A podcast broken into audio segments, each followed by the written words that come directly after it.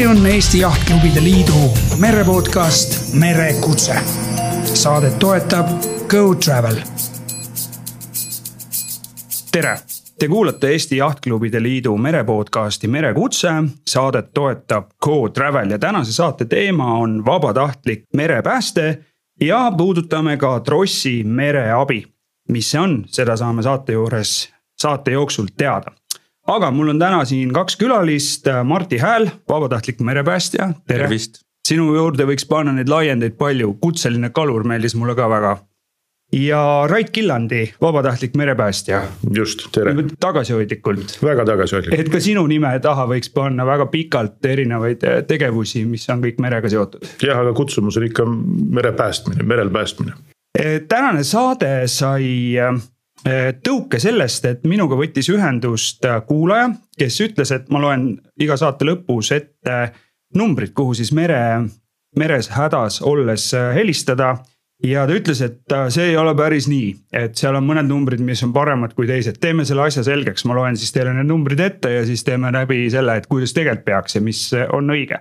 ehk siis merel hätta sattudes helista üks, üks, kaks või telefonil kus on merevalvekeskus kuus, üks, üheksa, üks, kaks, kaks, neli või VHF-il äh, kanalil kuuskümmend üheksa või kanalil kuusteist. mis on äh, õige tegevus, kui oled merel sattunud hätta?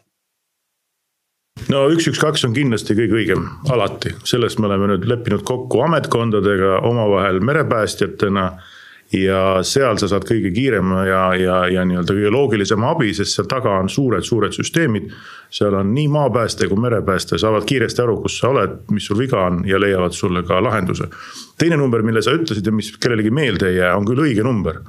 see on merevalvekeskus, aga lihtsalt selle häda ongi see, et ta ei jää meelde ja kui siis on näiteks mingit muud tüüpi abi vaja kui tavalist merepäästet, siis, siis nemad, nendega läheb natuke aega, aga ei, ta ei ole ka vale number ja nüüd VHF-i kuusteist kanal on rahvusvaheline kanal. loomulikult kasutage, kui teil selleks vajadus on, aga lihtsalt Eestis ei ole seda kohta, kus telefonilevi ei oleks Eesti vetes, siis, siis kasutage telefoni, kui muu ei aita, siis VHF-i. VHF kuuskümmend üheksa on äh, tegelikult äh, merevalvekeskuse kanal ja võib ka sealt abi kutsuda, aga veel kord, reeglid on kokku lepitud, et kuusteist kanal sellisel juhul nii et kui mul on VHF, äh, selle, ma tean, et sellel on hea levi, ma seda kasutan regulaarselt, siis kanal kuusteist, mida siis põhimõtteliselt kõik meresõitjad peavad äh, valvekanalina hoidma, on ka hea koht. No tema suur pluss lisaks sellele, mis Rait juba selgitas, on tegelikult see, et äh, kui kanal kuusteist valves on mõni lähedal asuv veesõiduk, siis tema reageerimisaeg on ju selgelt kõige kiirem, et selles mõttes ma isegi soovitaks nii, et kui saja kaheteistkümnel kutsuda aga kui on mingi selline noh, nii-öelda oht, ma ei tea, lekib või, või nii edasi.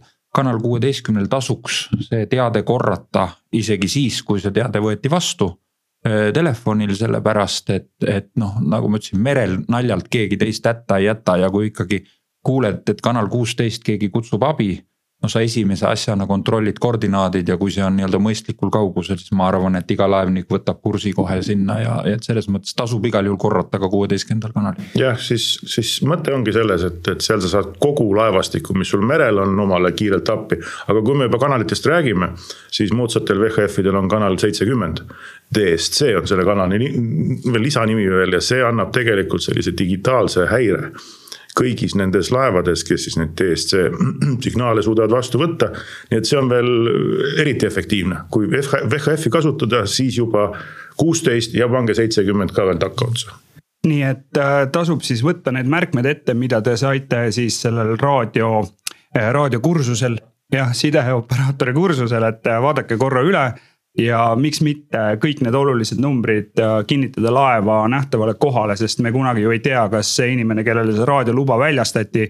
ka tegelikult, sest hädas olles võib ka abi kutsuda igaüks, siin ei ole vaja hakata oma dokumente üle vaatama. jah, see on väga hea märkus, et ärge kartke sel hetkel raadiot kasutada, kui olete hädas.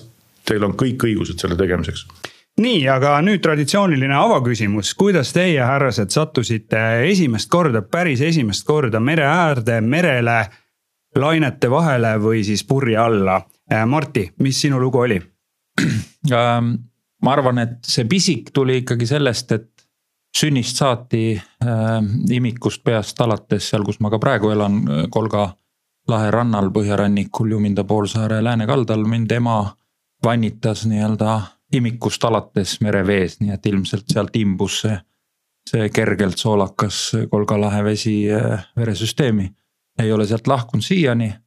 aga kui ma mõtlesin selle peale mm,, ma arvasin, et see küsimus tuleb, siis äh, palju võib-olla mm, nihuke ebatavalisem on see, kui mu käest on küsitud, kuidas must, millal ja kuidas must merepäästja sai, siis kui paberite järgi siis mingi kümmekond aastat tagasi, aga.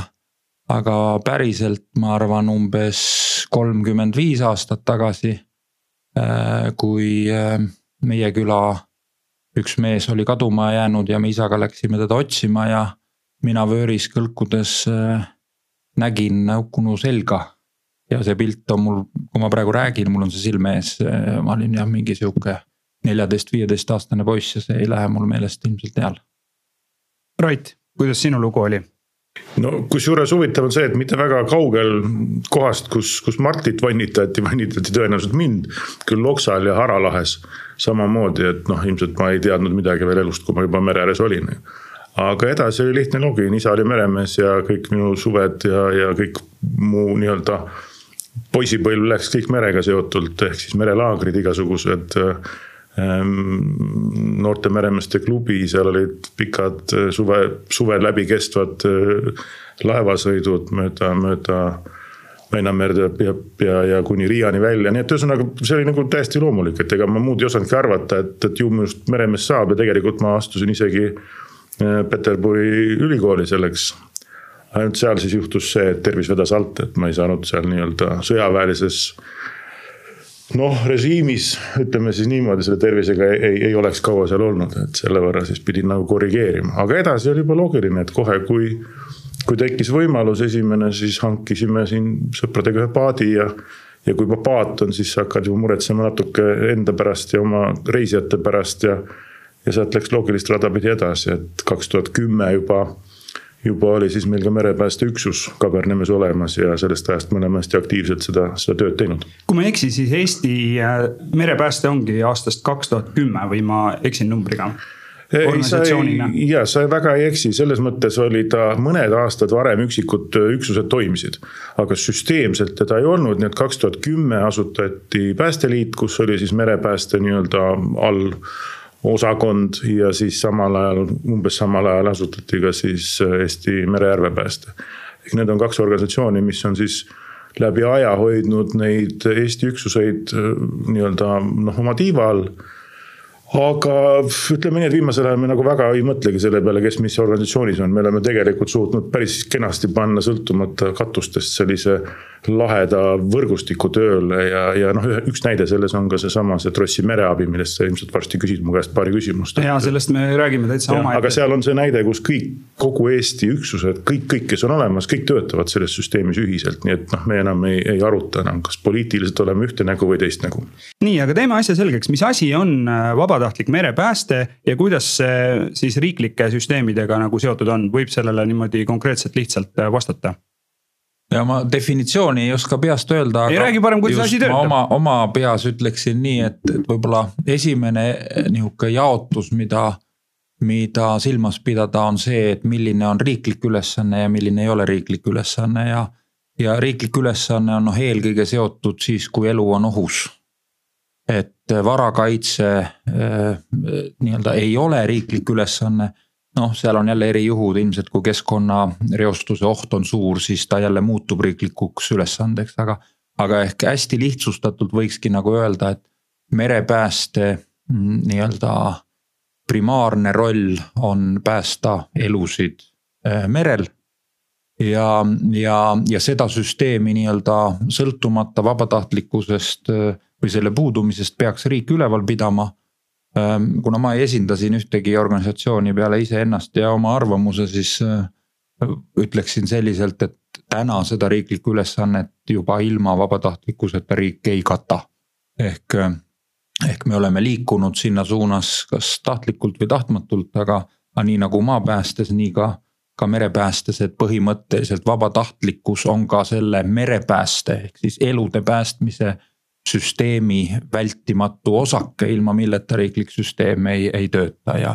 ja miks ma niimoodi jaotasin, on, on noh, jällegi ei, ei lähe praegu kaugemale, aga sisse juhatades seda äh, trossivestlust, eks ole ju, et ja kõik see, mis ei ole riiklik ülesanne.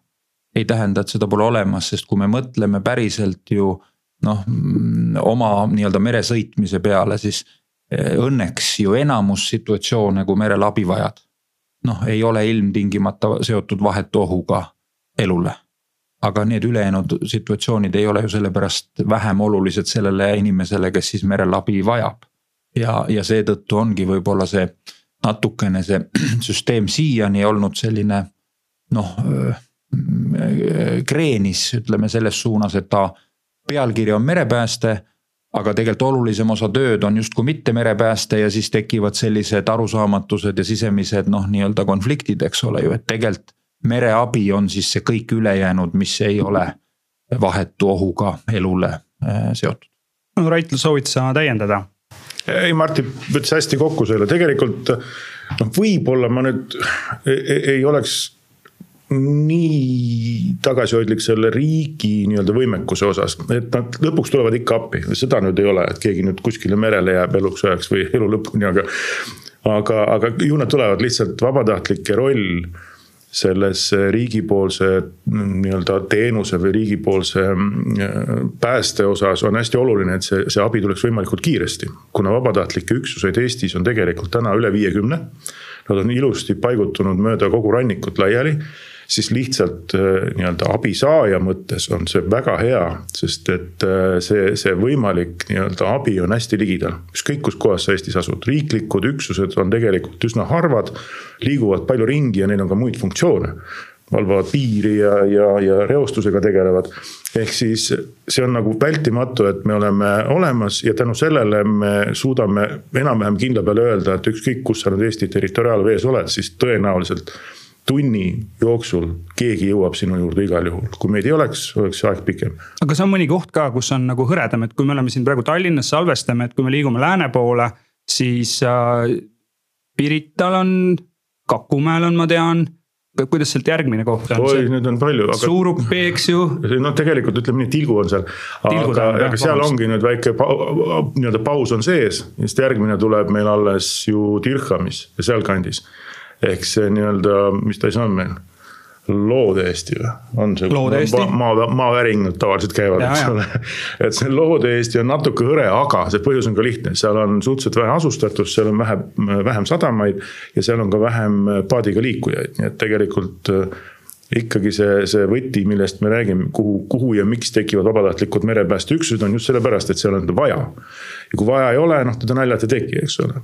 ja siis järgmine koht, kus meil natuke hõredam on, siis ütleme noh ka Hiiumaast loodesse ja, ja, ja, ja, ja lääne poole, et mm -hmm. seal ei ole nüüd ka liiga palju liiklust ja ei ole ka väga palju tegijaid, aga. aga Hiiumaal iseenesest on kaks või kolm ühingut, kes täiesti korralikult annavad abi ja, ja Saaremaa on kenasti kaetud, nii et ma arvan, et ega neid tühje kohti noh, väga nii-öelda traagiliselt palju ei ole. kui me ida poole liigume, Martti, sealt teie jumindest äh, sinnapoole ja sealt edasi, kuidas seal pilt on? noh, ka ikka põhimõtteliselt igas lahesopis ja, ja praktiliselt võib täna öelda, et igas, igas tegutsevas sadamas kindlasti ja, ja noh äh, nii, nagu meiegi juures, et, et Kolga lahe poolses küljes on see nii-öelda lautrikohtade pealt lahendatud, eks ole, reageerimine Ara lahe poole peal sadamast ja, ja. ja Eru lahes Viinistult sadamast ja nii edasi ja nii edasi, et põhimõtteliselt ma arvan sellist. noh, ütleme, seda oh, probleemi, et, et kuskil nüüd ei ole äh, üksuse reageerimiskohta, seda ei ole, ma arvan, et see vahe võib teinekord tulla sellest, et kui hea on konkreetsel hooajal ühe või teise üksuse ülemehitatus, kui nii võiks öelda, ehk teiste sõnadega, et. et, et kui suur on see reageeriv jõud, ükskõik mis kellaajal kakskümmend neli seitse, ehk sest me räägime ikkagi sellisest vabatahtlikust tegevusest, kus noh. inimestel on muid kohustusi ka lisaks sellele, et tulevad vabatahtlikult merele appi kuidas äh, see, kui ma olen meresõitja, ma olen mere peal, kuidas mul käib teiega ühenduse võtmine või mina merel hädas olles selle peale tegelikult ei mõtlegi või ei pea mõtlema? ei, ei ära, ära mõtle mitte midagi, ülemõtlemine alati kahjuks olnud kõigil. et võta nii, nagu me alguses rääkisime, üks, üks, kaks või kui on tõesti nii, et sul on juba nii-öelda laeva mahajätmise plaan, eks ju, siis pane see DSC hädasignaal teele kuusteist kanal. Ära rohkem mõtle, nüüd edasi tegeleb juba merevalvekeskus, tegelikult üks, üks, kahe taga on häirekeskus, häirekeskusel on nii-öelda, istub kõrval merevalvekeskus. minuti jooksul nad saavad selle selgeks, mida edasi teha ja sulle tulevad kõik jõud appi, kes on sel hetkel saadaval. sa ei pea mõtlema, kas see on vabatahtlik, kutseline, on ta helikopterpaat, on ta kaubalaev, on ta Tallinki veel liinile laskmata MyStar või mis iganes. ühesõnaga, nad kõik tulevad sulle appi ja sina, sina tegelikult pead usaldama.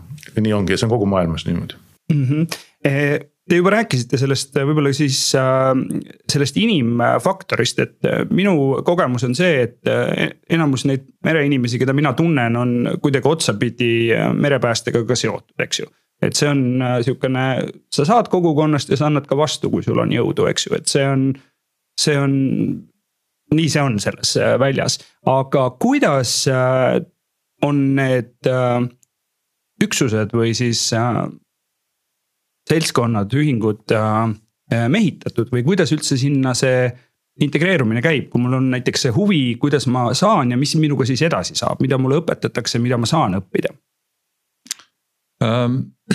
no see on põhimõtteliselt nagu igasuguse muu kogukondliku tegevusega, ehk et sa põhimõtteliselt äh, pead äh, jõudma endas äratundmisele.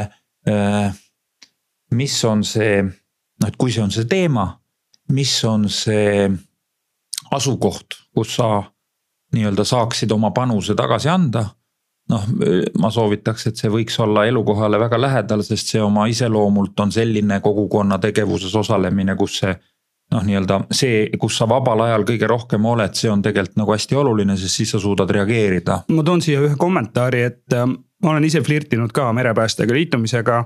ja ma ütlesin, ma suvitan tihtipeale Nõval ja siis öeldi, et aga äh, väga hea.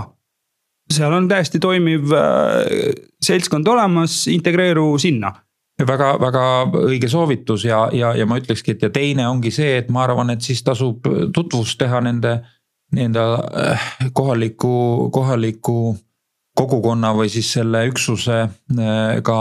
ja sest noh, teine väga oluline kriteerium iga nihukese asja puhul on ikkagi see, et see peab nagu kuidagi nihukest veregrupi sobivustunne peab ju ka tekkima, sest. Äh, noh, ei saa ikkagi ära unustada, et, et sa ju siis valmistud selleks, et sa lähed noh, teinekord rasketes oludes kedagi abistama ja, ja see tähendab, et sa pead nii nagu kõik kaaslased peavad sind usaldama, pead sina kaaslasi usaldama, mistõttu see, see, see sobivus ja selline usalduslik tunne on, on.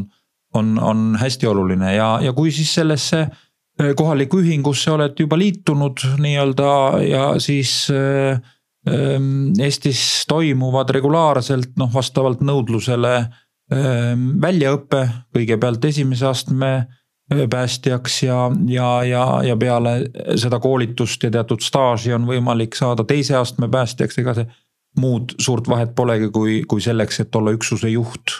ja iga kord reageerides merele peab vähemalt üks juht, üksuse juht olema, siis see on see teise astme päästja ja, ja need koolitused on, on kättesaadavad siis kõigile ja sealt ma arvan, sellise baas teadmise saab, saab ikka igaüks, kes, kes on õppimisvõimeline ja, ja soovib seda teha, et selles mõttes on need, need koolitused heal tasemel ja, ja pärast, kui juba sul see ähm, kutsetase käes on, siis, siis toimuvad regulaarsed ähm, täiendkoolitused selleks, et seda taset nii-öelda nagu hoida, et, et selles mõttes siin on ikkagi olemas täitsa selline väljaõpe ja, ja, ja kvalifikatsiooni hoidmise süsteem Rait, millised need kursused on, kui ütleme, algaja tuleb, eks ju, kui mina tulen, tulen sinna teie punti.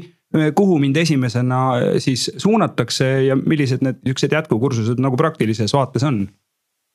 Seal on, see koosneb päris mitmest moodulist, kui ma nüüd täpselt mäletan, kas oli neliteist erinevat moodulit, mis käiakse esimese astme puhul läbi vist kahe nädalavahetusega, vist oli nii, et kas neli või viis päeva vist isegi oli tarvis nagu täispäevad teha. selle lõpus on, osa sellest on praktika vees hästi palju vees, ise nagu füüsiliselt pead olema, läbi elama kõik selle, mis kannatanuga võib juhtuda aga midagi kontimurdvat selles ei ole absoluutselt, selle nagu teevad äh, kõik ära. Äh, selle koolitajad on ülihead, see koolitusprogramm on, äh, täpselt vastab siis nii-öelda riigis kehtestatud programmidele. koolituse tagajärjel või tulemusena ja kinnitan mina küll, et kõik need, kes on hakanud või siis saanud vabatahtliku merepäästja tunnistuse, on professionaalid. tähendab siis selles mõttes, et nad on nad on oma ala spetsialistid, nad ei ole kutselised vaid nad on professionaalid, ehk siis see on nagu selge ja nende peale võib loota. ehk ähm, mm, midagi keerulist pole, veel kord ka minu tütred on läbinud selle koolituse ja kui nemad saavad hakkama, hõblukesed, sellised mitte liiga tugevad tüdrukud, kes aeg-ajalt ei, ei, ei suuda isegi oma käsipagasit lennuki sinna sellesse sahtlisse tõsta. aga parve keeravad ümber. parve keeravad ümber, saavad kamba peal hakkama, tegelikult seal õpetatakse just hästi palju sellist meeskonnatööd. Et ega sa üksi ei keera niikuinii parve ringi, ainult ühte meest olen näinud, kes selle keeras ringi, see oli Baruto. aga, aga ülejäänud peavad kambaga tegema, nii et, et koolitus on väga hea ja seal tõesti nagu me näeme ära selle, mis Mart ütles ka, et see meeskond peab hakkama mängima, ehk sul. et inimesed, kelle sa sinna leiad või kes sinule tulevad, peavad kõik olema head meeskonnamängijad ja seal koolituses tuleb see ilusti välja. ja siis need, kes on agaramad, tragimad ja targemad ja tublimad ja, ja kellel on ka paadiload, need saavad siis selle teise astme läbida, teine aste on natuke lühem. Aga ka üsna korralik, põhjalik nii-öelda ülevaade suur osa ajast vees. no paljusid inimesi huvitab ka nagu selline veel, veel edasi, et mis see järgmine tase on, kas seda on siis võimalik vabatahtlikkuse pealt teha või siis juba Äh, mitte? no vaata, tegelikult ütleme seaduse ja määruste järgi ei ole Eestis nõutud nagu rohkem enam mingeid tasemeid, see kaks taset on, on täiesti piisav selleks, et igapäevast merepäästetööd teha. nüüd, kui sul on endal huvi mingeid asju arendada, siis loomulikult meil on pundis on on sukeldujad, meil on pundis spetsialistid, kes on öövaatlusseadmetega töötavad, meil on noh, mõni on eraldi ennast harjutanud või õppinud nii-öelda rohkem pimedas sõitmise ja otsingute peale ennast välja. et selliseid erialasi, erialaseid teadmisi on võimalik alati juurde võtta, aga, aga baas käib ikkagi selle kahe astme, kaheastmelise koolituse peale. no aga räägime sellest praktilisest äh, vabatahtliku sellist rollist ka, et kui palju peaks äh, olema seda aega, et oleks mõtet äh, selles süsteemis oma panust anda? ma mõtlen sellise või noh ma ei tea, kas võib niimoodi öelda? ma, ma võtan nüüd meeskonna pealikuna, ütlen sulle. et, et selleks, et mul oleks just kasu. ütleme, et kogu me sellel meeskonnal oleks sinust kasu, siis ilmselt sa ikkagi sellised kaks nädalat võiksid suve jooksul olla meiega koos et loomulikult kõiki kahtekümmet neli seitset väga vähesed teevad siin, et noh, mina vist olen oma nüüd viimase aja nüüd ameti pärast pidanud olema, aga. Aga Eestis vist väga palju neid ei ole, aga see ei olegi oluline, me aitame siis, kui me saame aga hea oleks tõesti olla valves, noh nii palju kui võimalik ja sellepärast sinu kaks nädalat näiteks meie ligidal olekul, ligidal olles aitavad meid kõvasti edasi, sest niimoodi ma saan oma selle meeskonna nii-öelda vajaduse kaetud. ma ka julgustaks nagu mitte kartma seda, seda nii-öelda panustamist, sest siin on veel ka see, et noh, et see on arusaadav, et näiteks igal navigatsioonihooajal ei pruugigi olla ühtmoodi. et töö viib kuhugile või pere või, või nii edasi aga tegelikult nagu nii nagu, eks ole ju iga okas loeb äh, maa peal, nii, nii ta loeb seal samamoodi. ja kui sul ikkagi nagu sisetunne ütleb, et sa tahad seda teha, siis ainuüksi juba see, kui sa oled äh, ennast ära koolitanud, äh, siis mis tahes situatsioonis merel oled sa kõigile sinu äh, äh, kaaslastele, kaasreisijatele, kaasmeresõitjatele suureks abiks. ja eeskujuks. ja eeskujuks, mistõttu juba see on väärtus omaette. ja usu mind, et kui sa käid selle merepäästekoolituse läbi, sa hakkad päästevesti kandma, et see on juba selline asi, et kui sa selle paned selga ja sa ütled teistele, et sõbrad pärast seda koolitust ma tean, et ma pean seda seljas kandma, siis oled sa oma ülesande tegelikult täitnud, nüüd see kaks nädalat on veel lisaks sellele. ma saan sellest väga hästi aru, sest ma läbisin äh, seoses kursusega laevajuht GT kakssada, ka siis Revali merekoolis selle noh, vajaliku kursuse. Ja ma arvan, et mul oli ka enne seda juba oli sihukene rutiin oma laevas, et me läksime peegelsileda veega ka vestidega, et see, keegi ei vaadanud kuidagi teistmoodi. et siis üks läbinud inimene, et kui ma lähen siis mingi charter'i peale või mingisuguse võõra seltskonnaga, siis siis on seal tunda seda, et keegi on vabatahtlik merepäästja. ma ei kahtle selles, selles mõttes, et ja kui ütleme nii, et eh, sobivas kastmes on seda alati mõistlik ka reserveerida, nii et, et see juba see reisi alguses annab eh, meresõiduohutusele juurde. nii et kui see kriitiline mass, ütleme, et kes on valves ja need, kes on ka merel, on ju aega veetmas või tööl või noh, erinevad variandid, kalal samamoodi tööl, on ju. et kui see kriitiline mass, kes meie merel seilab, on osa süsteemist, siis tegelikult mereohutuse tase on juba nihuke ettevaatavalt parem. absoluutselt, noh nii, aga teeme selle trossi merepääste ka kohe või trossi mereabi, olgem, olgem täpsed. mis eh, imeloom on trossi mereabi ja mis seos on sellel kõigel vaieritega? ja see on selline asi, mis tegelikult pole mingi imeasi. see on ikkagi kogu Skandinaavias toiminud mitukümmend aastat. Soome, Norra, Rootsi Taani ja tegelikult tema mõte algselt oli see, et siiamaani sama häda, et ega nendest kõigis riikidest hoolimata sellest, tunduvad heaoluriigid olevat. ei ole kunagi olnud liiga palju raha merepääste arenguks, eriti vabatahtliku merepääste arendamiseks.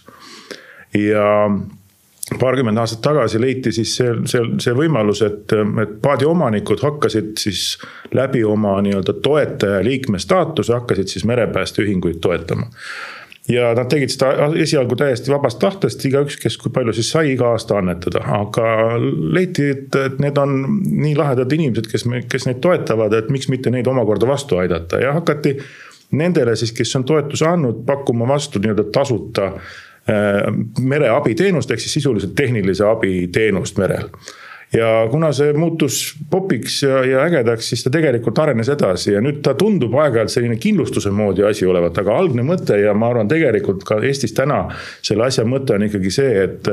et inimesed toetavad vabatahtlikku merepäästet ja merepäästjad tänavad neid sellega, et nad aitavad neid tasuta merel. nüüd, kuidas ta toimib? siis, kui me enne rääkisime riigi ülesannetest ähm, merepääste puhul, siis äh, täpselt nagu Martti ütles, et äh, päästmine lõpeb seal enam-vähem ära, kus inimesed on päästetud. noh, vahest tehakse varaga ka midagi, aga üldjuhul, kui, kui on tegu mootoririkke või, või purje purunemise või, või, või noh, kütuse lõppemisega ja see ei ole kuidagi ohtlik inimeste eludele siis tegelikult riigi kohustus selle koha peal lõpeb ja nüüd edasi mõtle ise, mis sa siis teed, eks sa hakkad otsima kedagi, kes sulle siis tuleks appi või järgi ja tavaliselt ega noh, ega see ei ole ju rumal inimene, sa leiad selle kellegi, aga noh, tal on kulud, sa pead selle natuke maksma selle eest talle. Ja noh, täiesti statistika ütleb, et selline keskmine kulu pukseerimisel Eestis on olnud viimaste paari aastat, paari aasta jooksul selline kolmsada viiskümmend eurot kuskil. Soomes oli eelmine aasta nelisada, noh tõenäoliselt nüüd kütuse hinna tõusudega Martti võib kommenteerida, palju me peaks juurde tõstma, aga, aga põhimõtteliselt ikkagi noh, kindlalt üle neljasaja euro keskmine pukseerimine ja, ja samal ajal nüüd see Trossi mereabi nii-öelda liikmeks olemine maksab sulle aastas kõigest kaheksakümmend kaheksa eurot. nii et noh, tegelikult andes kaheksakümmend kaheksa eurot toetuseks saad sa aasta ringi meie poolt siis vabatahtlike merepäästjate käest tasuta abi, tehnilist abi merel ja, ja, ja nii lihtne ongi tegelikult. see tundub nagu nii äh, hea diil, et äh, miks teil ei ole juba nii palju liikmeid, et oi-oi-oi. no vot. see ongi hea diil muuseas ja, ja ma ütleks ühe mõtte siia ainult juurde, mina olen sõnastanud, kui mu käest on seda küsitud, siis ma olen sõnastanud selle pealt, et see on Raidi eestvõttel äh, ühes äh, kitsas nii-öelda segmendis või valdkonnas, aga olulises, mis on nii-öelda hobi meresõit põhjamaalaseks saamine ehk teiste sõnadega see, et see süsteem töötaks nii, et kui eestlane sõidab Soome või Rootsi rannikuvetes või sõidab Eesti rannikuvetes, siis ei ole turvalisuse vahet. töötab samamoodi või siis soomlane tuleb Eestisse, et siis ka ju nihuke tunnetuslikus mõttes me oleme saanud osaks Põhjamaade merekultuurist ja ma arvan, et me kõik tahaks tegelikult oma merekultuuri näha liikumas Põhjamaade merekultuuri äh, suunas, eks ole ju.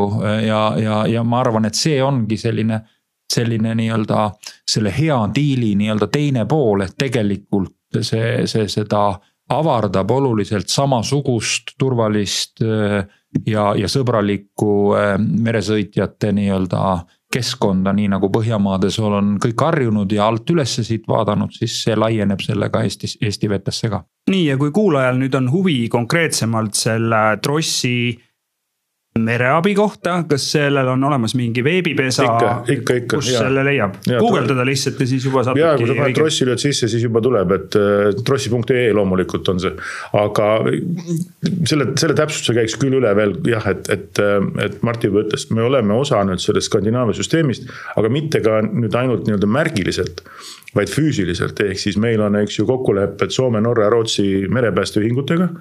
et äh, Eesti toetajaliige sellesama kaheksakümne kaheksa euro eest saab tegelikult sama mereabiteenusega Soomes, Norras, Rootsis ja, ja. diil läheb järjest paremaks. ehk kui sa võtad selle kleepsu, mis sa kaheksakümne kaheksa eest äh, vastu said, paned oma äh, laevale peale ja sõidad kuskil seal Turu saarestikus äh, karile, mida on seal teatavasti päris lihtne, eks ole ju väikse navigatsiooniveaga teha siis sind aidatakse seal nii, et sa rohkem arvet selle eest ei saa. või noh, sa sõidad lihtsalt vindi ära. näiteks. et. No, nii palju siiski peab täpsustama, et päris sulle remonti nüüd, kapitaalremonti no, eks ole. pukseeritakse turvalisse esimesse sadamasse ja, ja., ja mitte esimesse suvalisse kohta, vaid esimesse sadamasse, kus, kus sa saad abi ja, ja see on hästi oluline selle. nii et siis äh, see on jälle üks selline võib-olla mustrite muutumine, et kui ma kevadel alustan navigatsioonihooaega, ma ostan enda jahile kindlustuse ma tasun oma tööde eest, hoidmise eest, siis äh,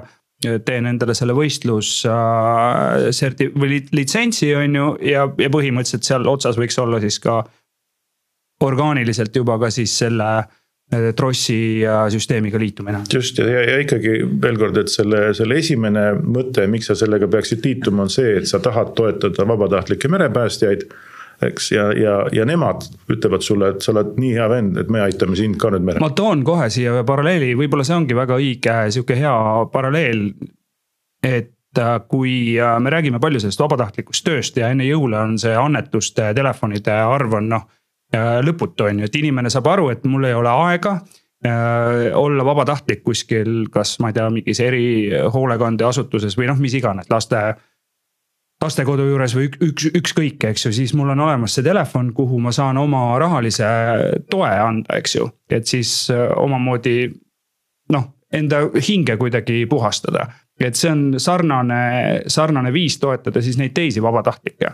ja kuigi, kui kellelgi on nüüd rohkem võimalusi, siis me ei ole kunagi ära öelnud, et kõik need annetused ja toetused võtame vastu ja ja, ja meil on ka päris mitu juba sellist nii-öelda eluaegset toetajaliiget, kes noh, tõesti on noh, suure kummarduse ära teeninud, et nende, nende selline ametlik nimetus on juba ankurliige ja nad on meil päris, päris palju aidanud meid. et küllap me need kõik annetused vastu võtame, aga, aga ma korra hüppan tagasi su paari küsimuse tagusesse hetke, kus sa ütlesid, et aga miks ei ole juba nii palju meid siis, eks. sest tegelikult on nii, et me selle süsteemi suutsime siis, mitte ei suutnud, aga jõudsime nii kaugele, et on valmis eelmise aasta sügiseks et see aasta, kakskümmend kaks on olnud siis esimene aasta, kus me nagu täismahus töötasime, kõik see äh, viiskümmend kolm üksust olid kogu aeg valves pidevas valmisolekus, on palju sündmusi olnud, mida me oleme lahendanud küll eestlaste, küll soomlastega. ühesõnaga, see on esimene aasta. aga õnnetuseks juhtus see, et meie turundust takistas nagu noh, täiesti force majeure olukord, eks ole, mis on siis tegelikult sõda, mis noh, ei lase ju sisuliselt ühtegi sõnumit ju noh, ütleme pikka aega ei lasknud ühtegi sõnumit ju meedias nähtavale, kõik oli kaetud sellega, nii et lihtsalt me sattusime halba hetke. ja sellest hoolimata oli meil sada viiskümmend uut liiget äh, sellel aastal liitus meiega, nii et. et ei, ei ta ole nüüd nii kehva midagi, aga jah, meil on järgmiseks aastaks natuke rohkem plaane, et, et ju me saame sellest äh, sõjaudust ka mööda. nii, aga räägime siis turvalisest meresõidust. Äh, millest see kõik algab? Või me, me võime minna siin väga-väga praktiliseks, te olete ise ma, ma küsin täiesti konkreetselt, milline oli, Martti, sinu viimane päästetegevus, mida sa valves olleks või siis, ma ei tea, vabal ajal lihtsalt juhtudes läbi viisid või abi andsid? see oli mootorpaadi pukseerimine, millel mootori ja Z-ülekande vahel on seal võlli ümber selline kummilõdvik see lõdvik, kui seda piisavalt regulaarselt ei vaheta, kipub mõranema ja, ja nii kui juhtus seal ja sealt hakkab tegelikult vett äh, sisse tulema, nii et oli leke, aga, aga see leke on õnneks selle lõdviku kaudu noh, nii palju aeglane, et seal ei ole nii-öelda üldjuhul vahetut uppumisohtu ja, ja siis ma sellise. Ähm, see oli pere, üks nii-öelda mees, naine, kaks alaealist last ja kaks sõpra olid lihtsalt ilusa ilmaga Kolga lahe peal ja, ja hakkas laev vett sisse võtma, et siis selle pukseerimine turvaliselt kaldale oli, oli vist viimane kord. kas sa välja sõites teadsid, et äh, inimesed ei ole otseselt ohus või kas sa teadsid, kui keeruline see on, see situatsioon? ei teadnud, sest nad ei osanud sellel hetkel ise veel öelda, tuli lihtsalt merevalvekeskuselt teade, et äh, koordinaatidega ja. ja ma veel, nii selgelt meeles, mul oli endal hea meel, sest noh, see oli jälle nihuke hea juhus, aga vot see just viitabki sellele, et kui on piisav võrgustik ja ja, ja piisav nii-öelda ülemehitatus, siis neid juhuseid ongi tegelikult reeglid.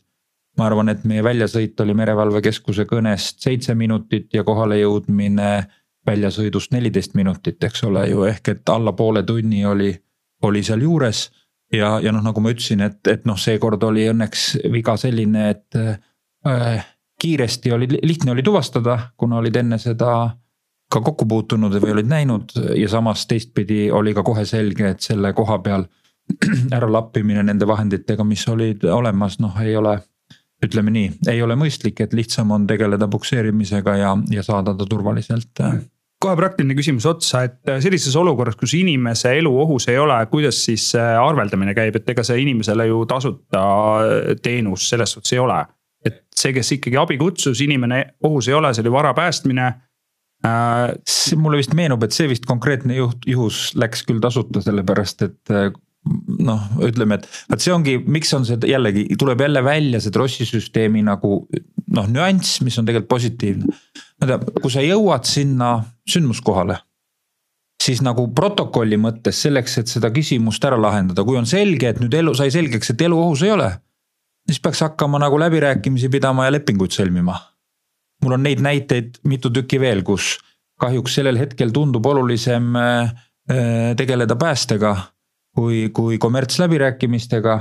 et ah, küll sellega jõuab pärast kaldal tegeleda ja siis kuidagi kaldal noh, ühel või teisel põhjusel jääb see kokkulepe sündimata ja siis nii ongi.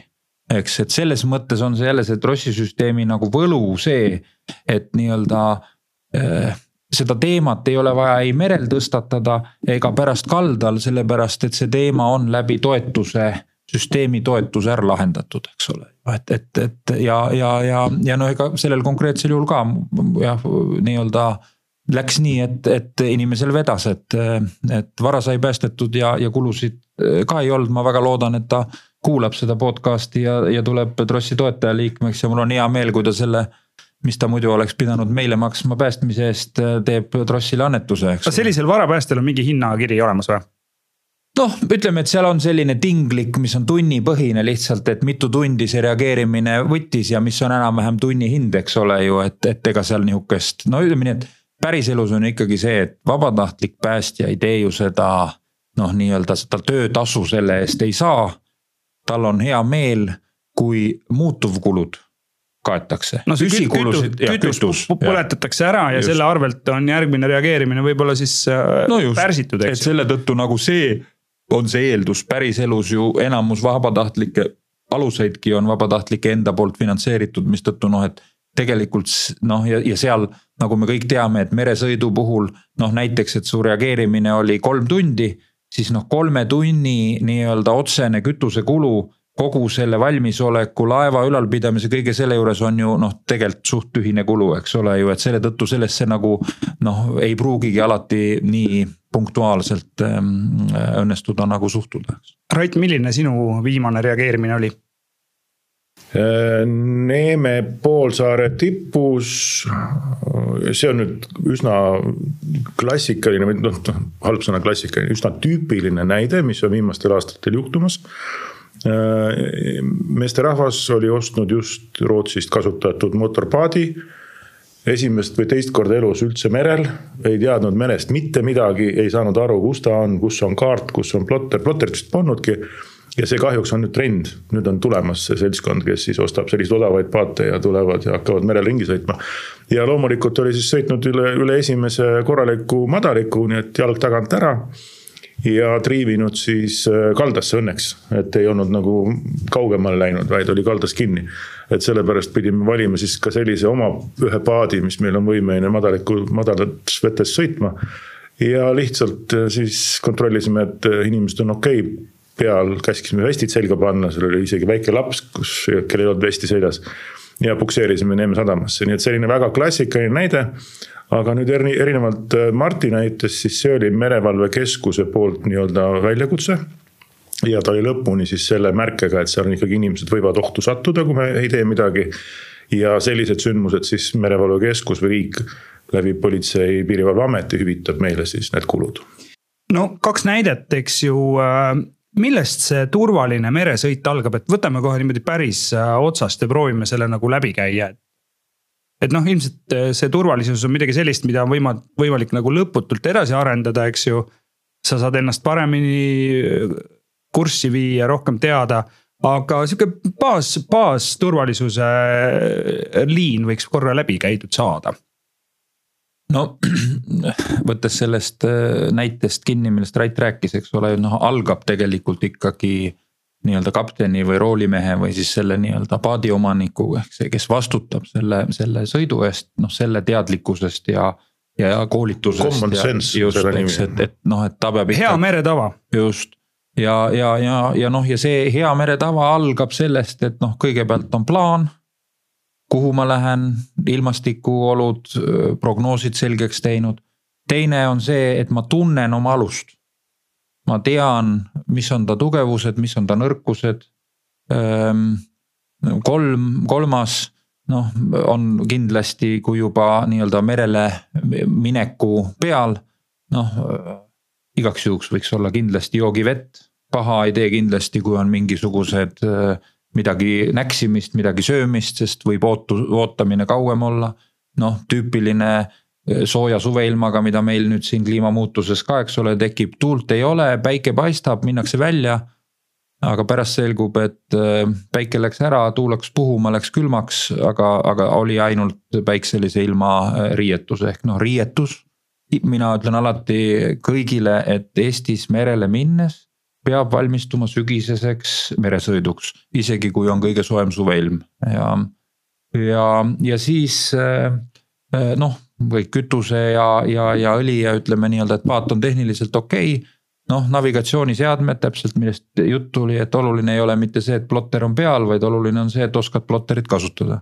veel olulisem on see, et sul on ikkagi olemas üks paberkaart selleks, et kui plotter saba annab, siis saad sealt ka edasi ja oskad kaarti lugeda, noh.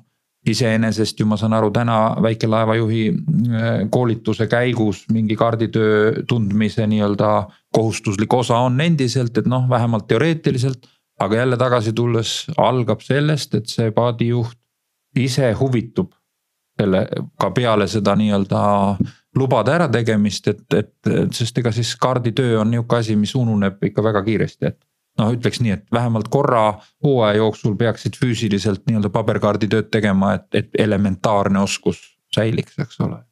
et võib-olla need on nii-öelda esimesed asjad ja noh, ja kui merele minek on, siis loomulikult päästevestid, noh, kõik see pool, mis, mis justkui on elementaarne ilma ütlemata. ja alguse juurde tagasi tulles veekindel telefon või kotis telefon ja VHF jaam et need on vältimatud või riietus ja noh, palju räägitakse sellest, et kas meil peaks olema nüüd äh, piisav varu rakette kaasas siis äh, lihtsalt praktika on nüüd näidanud, et viimase, ma arvan, et mitme-mitme aasta jooksul ei ole kedagi mindud enam või õigemini. ei ole põhjust minna merele kedagi otsima ainult sellepärast, et rakett on seal, tavaliselt on kõik need raketid lastud nii-öelda. valehäired. valehäired hoopis et ikkagi tänapäeva meie nii-öelda tehnika, tehnoloogia on nii kaugel, et see hädasignaal tuleb hoopis teist, teistmoodi, üks siis telefoni, raadio või mingi muu kanalit pidi, aga ikkagi. see rakett võib kaasas olla ja, ja, ja eriti need säratuled on kindlasti toredad, et kui helikopter tuleb teid abistama, siis sellega nad näevad kaugelt juba teie asukohta, kulub aega vähem, et, et sellised pisiasjad võiks ka olla. ja noh, mis kommunikatsiooni osas, ma arvan, on eriti oluline, on see, et sellest plaanist, millega välja minnaksegi, keegi, kes kaldale jäi kedagi ikkagi teavitad, et sellel kellaajal lähme välja, plaanime käia seal ja selleks kellaajaks plaanime olla tagasi, sest noh, neid näiteid ikkagi, kus tegelikult side eh, nii-öelda merel olijaga on ühel või teisel põhjusel katkenud.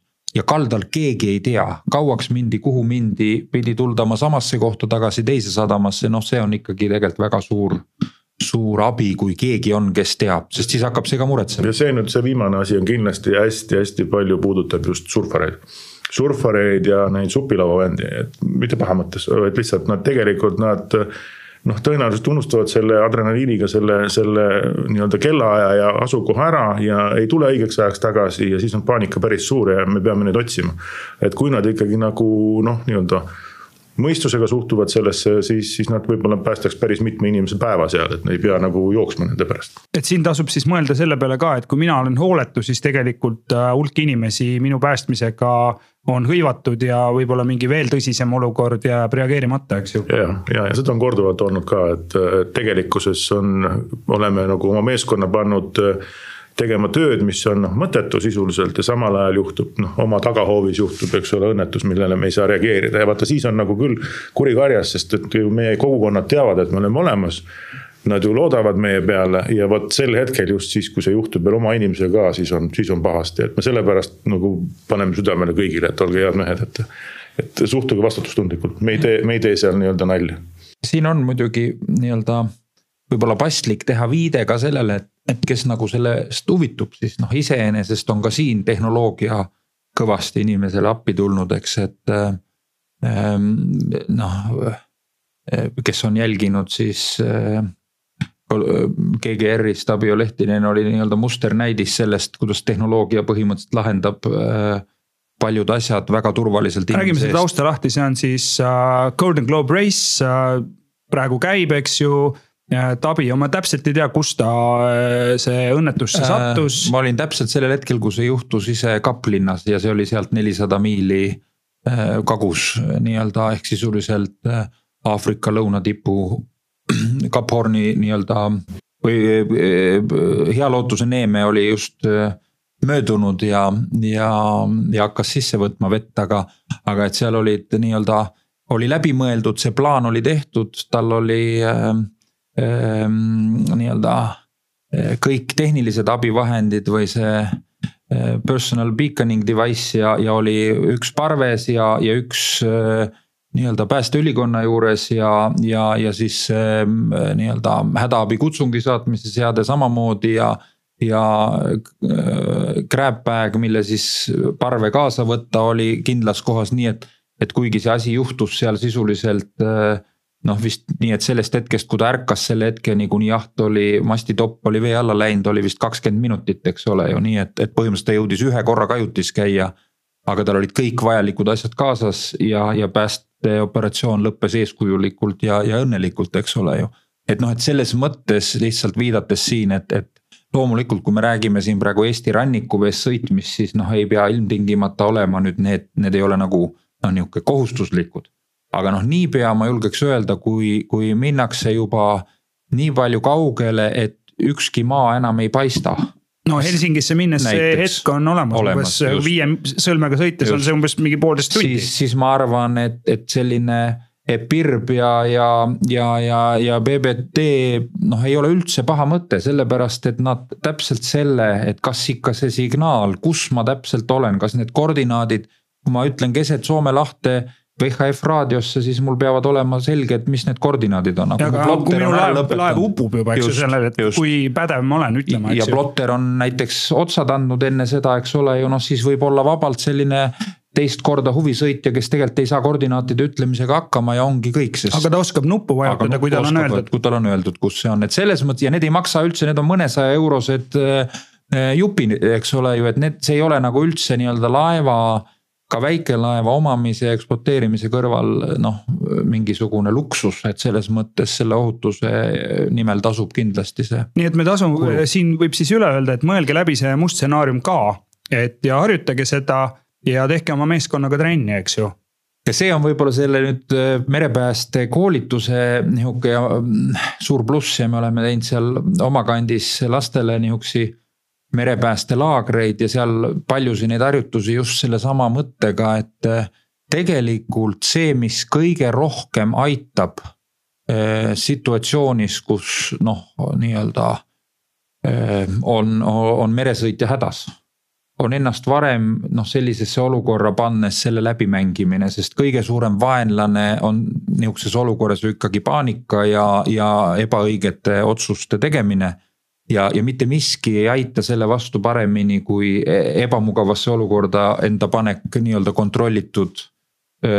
noh, ütleme siis situatsioonis ja sa noh, et see, see alati tasub ära, et ma toon alati selle näite, et, et noh, kõigile tundub, et mis see päästeparv siis ära ei ole. mul on nii selgelt meeles, kui me kõige vanema grupis oli vist niuksed seitsmeteist, kaheksateist aastased noored kuked, eks ole, ohoo, šallallaa ja siis õhtul oli, kui hämaraks läks ja noh, võib-olla oli lainet nihuke null seitse, no ütleme, et maksimummeeter seal Juminda tipus, kui siis. lapsed, need suured täiskasvanud lapsed, eks ole ju sinna päästeparve peale ja, ja tõmbasin paadiga nad sinna lainete vahele, ütlesin, et panen ankrusse ja. ja jätsime ühe telefoni, eks ole, et muidu olete seal hommikuni, eks ole ju varavalgest tulen järgi, aga, aga, aga noh, helistage, kui vanem. no ütleme nii, et kahekümne mintsa pärast oli, oli pooltel süda paha ja, ja, ja noh, nägi, oli näha, et nad tundsid ennast väga ebamugavalt, eks. ja, ja, ja, ja selles situatsioonis peaks siis võtma vastu õigeid otsuseid, kui sa oled nagu päriselt merehädas, et noh, et. nihukesed harjutused kindlasti, kui kellelgi on nagu tahtmist ennast nagu ette valmistada, eks ole ju nihukesesse kriisisituatsiooni, et sealt tulla ohutult välja, siis tasub kindlasti. ja kindlasti, et see ei tohi olla mingit moodi selline nagu ebamugav või, või piinlik, et noh, ma nüüd mõtlen millegi sellise peale. et see vastupidi peab olema praktiliselt lihasmälus sees mõlemad sinuga oleme ju Bellingshauseni peal olnud ja, ja seal on ju ülikõvad meeskonnaliikmed, profid äh, meresõitjad, eks ju, kellelgi ei olnud kunagi probleemi ühegi päästeharjutuse puhul, kõik mängisid kaasa alati.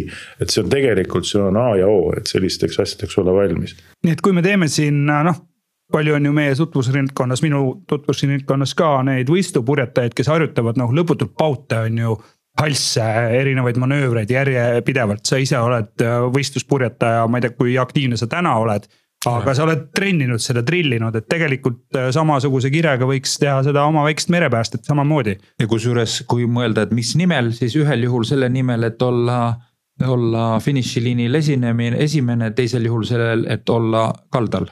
Ohutult et justkui nagu suurem põhjus on trillida, eks ole ju seda, kuidas ohutult tulla merehädast välja. nii, aga kui nüüd äh, kellelgi hakkas siin peas idanema, et ma tahaks enda seda mereohutuse teadlikkust äh, tõsta. ütleme, mul on noh, ma olen selles seisus, et võib-olla mul ei ole siis äh, nii palju endas veel, veel jõudu, et tulla liituda vabatahtliku merepäästega, aga ma tahan lihtsalt, et minu vahikorra ajal minu laevas midagi sellist ei juhtuks või kui juhtub, ma olen valmis. kas ma saan tellida sihukest meeskonnakoolitust äh, teie käest või siis mingisuguse instruktori pardale, et koos teda äh, alguses neid esimesi samme teha? ikka, ikka. Ei ole probleem, meil on äh, vabatahtlike hulgas on palju koolitusinstruktoreid, kes on väga hea nii-öelda taustaga suur osa neist on lausa oma esimesed koolitused saanud äh, soomlaste käest ja õppinud sealt kõiki asju, nii et loomulikult saab. eks, eks see, kui sa nüüd tahad oma meeskonda koolitada, see ilmselt tuleb leida nii-öelda sobiv, sobiv lahendus, kuidas see materiaalselt lahendada, aga meil on ka mõned projektid, mis käivad äh, juba mitmendat aastat, kus me saame ka üksikutele sadamatele ja meeskondadele pakkuda nii-öelda omalt poolt koolitust ja see on kõik seotud jällegi selle trossiga, et. et selleks, et olla Eestis võimalikult valmis ja suuta võimalikult kvaliteetselt pakkuda trossi mereabi, siis me ise teeme ka selleks päris palju tööd ära, et need meeskonnad ja, ja, ja üksused oleksid nii-öelda võimalikult kursis asjadega ja, ja saanud ka meilt koolituse, nii et jaa küll me selle koolituse välja mõtleme, andke aga märku, mida teil vaja on ja küll see saab tehtud mul on äh, väga hea meel, et te olete siin stuudios, ma olen ise väga palju targemaks saanud, see pisik, et tulla ka ise vabatahtliku mere, merepääste liikmeks, on äh, idanenud hoopis äh, kaugemale, kui ma kartsin. aga mis saab talvel, kas, kui jääpurjetamise hooaeg on kohe-kohe algamas, kes siis praegu teeb, kas vabatahtlikud merepäästjad ka jäält päästavad? Ehm, no jääpääste on, ütleme siis üks selline erioskus, eks ole ju, mida baaskursusel, vabatahtliku merepääste baaskursusel. Ehm, vähemalt siis, kui ma käisin, sellest on kümme aastat möödas, siis kindlasti ei läbitud. kursused olid ka suvel, aga ma olen täiesti veendunud, et, et igal jääpurjetamise nii-öelda kas siis võistlust korraldaval klubil või, või treeninguid korraldaval klubil tasub igal juhul kohaliku merepäästega see küsimus äh, läbi käia ja, ja sellele leitakse lahendus, et kui, kui konkreetsel klubi, siis merepäästeühingul ei ole jääpäästevõimekust, siis see, siis ütleme, et merepäästja on, on ju nii-öelda sotsiaalselt närvilt päästja, et ta siis pakub sellele küsimusele lahenduse ja, ja noh, ja tegelikult on ju jääpääst Eestis täiesti täiesti olemas ja, ja, ja, ja, ja, ja nii-öelda kättesaadav. no Kaberneeme näiteks on otsustanud, et me oleme talvel olemas meil on paat valmisolekus täpselt nii, nii kaua, kuni on vähegi veel jääd pole mere peal. aga juhul, kui tuleb jää ja jää on natuke paksem kui, kui, kui see, mis sul kõndimiseks on vaja, siis tegelikult me oleme ka Politsei- ja Piirivalveametiga lepingus näinud ette, et meil on küll meeskonnaliikmete isiklikud, aga ikkagi mootorsaanid, kaks tükki, millega me siis võime teha siis äh, otsinguid näiteks aga noh, kliima soojeneb nii kiiresti, et tõenäoliselt neid mootorsaane meil siin varsti enam tegelikult pole mere peal suurt midagi peale hakata, nii et. et me oleme valmisolekus kogu aeg ja meie paadid on nagu tegelikult ette valmistatud selleks. seda on hea kuulda, kui väljas sajab kerget lund ja päkapikud käivad äh, lastel ja võib-olla käivadki jahiomanikel ka nüüd äh, pärast seda saadet toovad siis äh, Pirbi näiteks, kui on hea, väga hea laps olnud või väga halb laps, just siis toob Pirbi näiteks see on siis väike abivahend, aga nüüd. võib tuua näiteks väga vabalt Rossi kinkekaardi. see on nagu, ma arvan, et üks paremaid kinke päriselt ka. see on kõigi, kõigi huvides väike kingisoovitus, aga nüüd ma saan lugeda siis ette täiesti äh, sellise kontrolli all selle saate lõpu, äh, lõpusõnad. ma tänan teid, Martti äh, ja Rait, et tulite siia stuudiosse nii et hea merehuviline, merel hätta sattudes teavita sellest esimesel võimalusel siis äh, häirekeskust numbril üks, üks, kaks või merevalvekeskust telefonil kuus, üks, üheksa, üks, kaks, kaks, neli. või võtta raadio kaudu ühendust VHF kanalil kuusteist või kuuskümmend üheksa.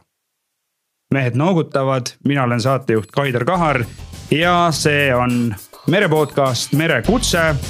meile annab hoogu Go Travel ja merel näeme